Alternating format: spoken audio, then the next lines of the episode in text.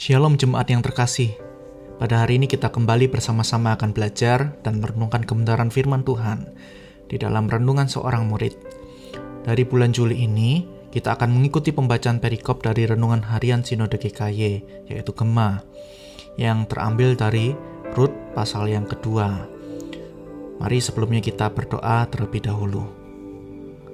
Bapa dalam surga, kami bersyukur Tuhan untuk hari yang indah yang Tuhan berikan pada setiap kami, sehingga pada hari ini kami masih diberikan kesehatan, kekuatan daripada Tuhan saja. Dan sebentar lagi Tuhan kami akan mendengarkan kebenaran firman Tuhan, kami akan merenungkan kebenaran firman Tuhan. Kiranya Tuhan menolong setiap kami, memberikan kami hikmat yang daripada Tuhan saja, sehingga setiap kami dapat mengerti, memahami, bahkan kami dapat melakukannya dalam setiap kehidupan kami pribadi lepas pribadi. Pimpin setiap kami Tuhan, dan kami mau bersandar hanya dalam nama Yesus Kristus. Haleluya. Amin. Jemaat yang terkasih, Mari kita membaca dari Rut pasal yang kedua. Kita baca dari ayat 11 saja sampai yang ke-12. Kita tidak baca keseluruhannya. Kita hanya baca ayat 11 sampai 12. Namun uh, jemaat yang terkasih setelah ini bisa membacanya satu perikop ya dari pasal yang kedua. Rut pasal yang kedua ayat 11 sampai 12 demikian firman Tuhan. Boas menjawab, telah dikabarkan orang kepadaku dengan lengkap segala sesuatu yang engkau lakukan kepada mertuamu sesudah suamimu mati, dan bagaimana engkau meninggalkan ibu bapamu dan tanah kelahiranmu serta pergi ke suatu bangsa yang dahulu tidak engkau kenal. Tuhan kiranya membalas perbuatanmu itu, dan kepadamu kiranya dikaruniakan upahmu sepenuhnya oleh Tuhan, Allah Israel, yang di bawah sayapnya engkau datang berlindung. Jemaat yang terkasih, kondisi di bulan Maret April 2020 yang lalu mempertontonkan manusia yang kehilangan kemurahan hatinya dan mempertontonkan betapa egoisnya manusia dan serakannya manusia. Begitu ada isu lockdown, ada isu mau PSBB, maka langsung terjadi panic buying. Kondisi yang sulit membuat manusia kehilangan kemurahan hati dan mempertontonkan keegoisan mereka. Oleh sebab itu pada hari ini kita belajar dari Ruth yang tidak menjadi egois meskipun kondisinya tidak baik, sekalipun kondisinya sedang sulit. Narasi mengenai Ruth hari ini berlanjut kepada suatu kisah di mana setelah Ruth memutuskan mengikuti Naomi, mertuanya. Di pasal kedua, Ruth meminta izin mertuanya untuk bekerja agar dapat memenuhi kebutuhan hidup mereka berdua dalam ayat yang pertama, kedua kita bisa melihatnya. Ketika Ruth mengikuti mertuanya Naomi, itu bukan merupakan suatu perkara yang mudah. Itu membutuhkan suatu harga yang mahal yang harus dijalani oleh Ruth. Tidak hanya dia menjadi janda saat itu, dia juga menjadi orang yang asing di Bethlehem, tanah Israel, karena dia dari bangsa Moab. Tetapi Ruth juga harus mengalami apa di sana? Ruth harus menjadi pekerja untuk menghidupi mertuanya Naomi yang sudah lanjut usia. Banyak tantangan yang dilalui oleh Ruth, namun itu semua tidak menyurutkan kemurahan hati Ruth atas mertuanya. Apakah Ruth tidak hidup susah? Apakah Ruth tidak mengalami kedukaan yang begitu mendalam? Jemaat yang terkasih, Ruth saat itu susah. Ruth saat itu berduka karena suaminya juga meninggal. Sebagai seorang Ruth, wajar jika dia kembali kepada keluarganya di Moab, bukan? Akan tetapi hal tersebut tidak dilakukan oleh Ruth. Kita bisa melihatnya di pasal yang pertama. Ruth memilih untuk menemani mertuanya yang juga sedang dilanda kesusahan dan kedukaan.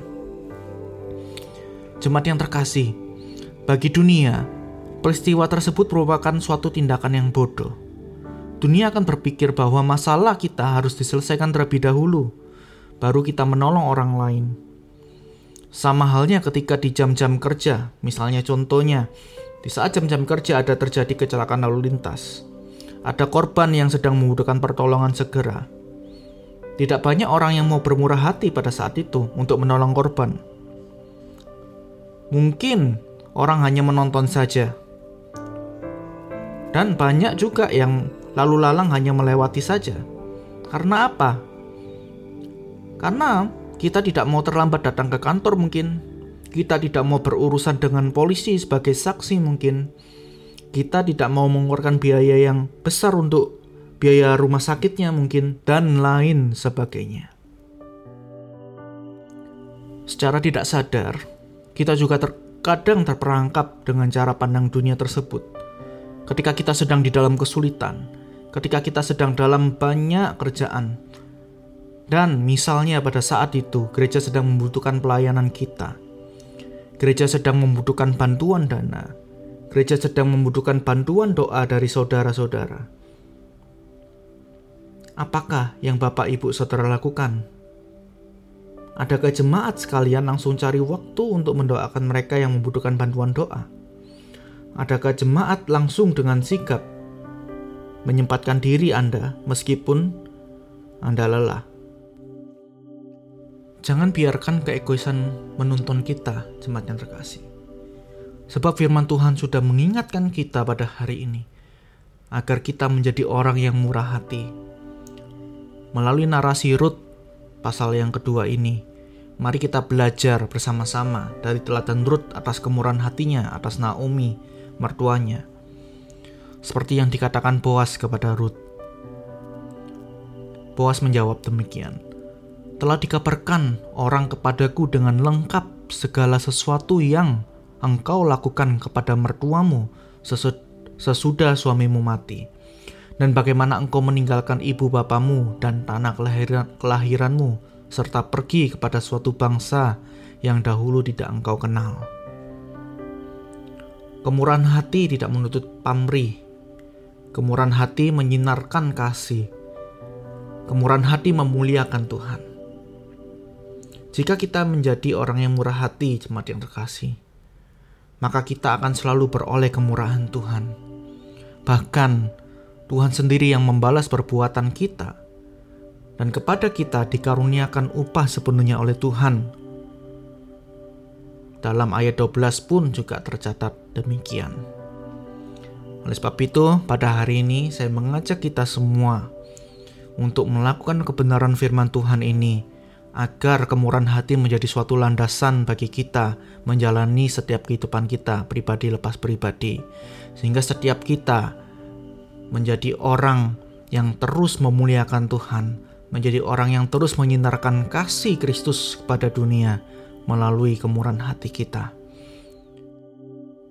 Mari kita berdoa Bapa dalam surga kami bersyukur firman Tuhan pada hari ini telah mengingatkan kami semuanya Tuhan untuk menjadi orang yang murah hati.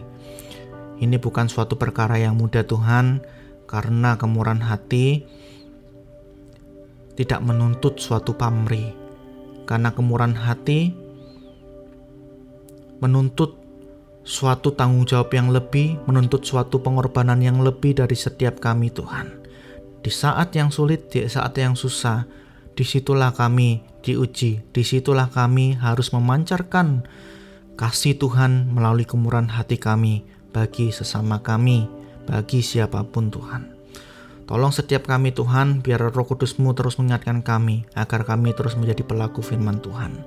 Di dalam nama Yesus Kristus, kami bersyukur atas firman Tuhan pada hari ini. Haleluya. Amin. Tuhan Yesus memberkati kita. Selamat beraktivitas.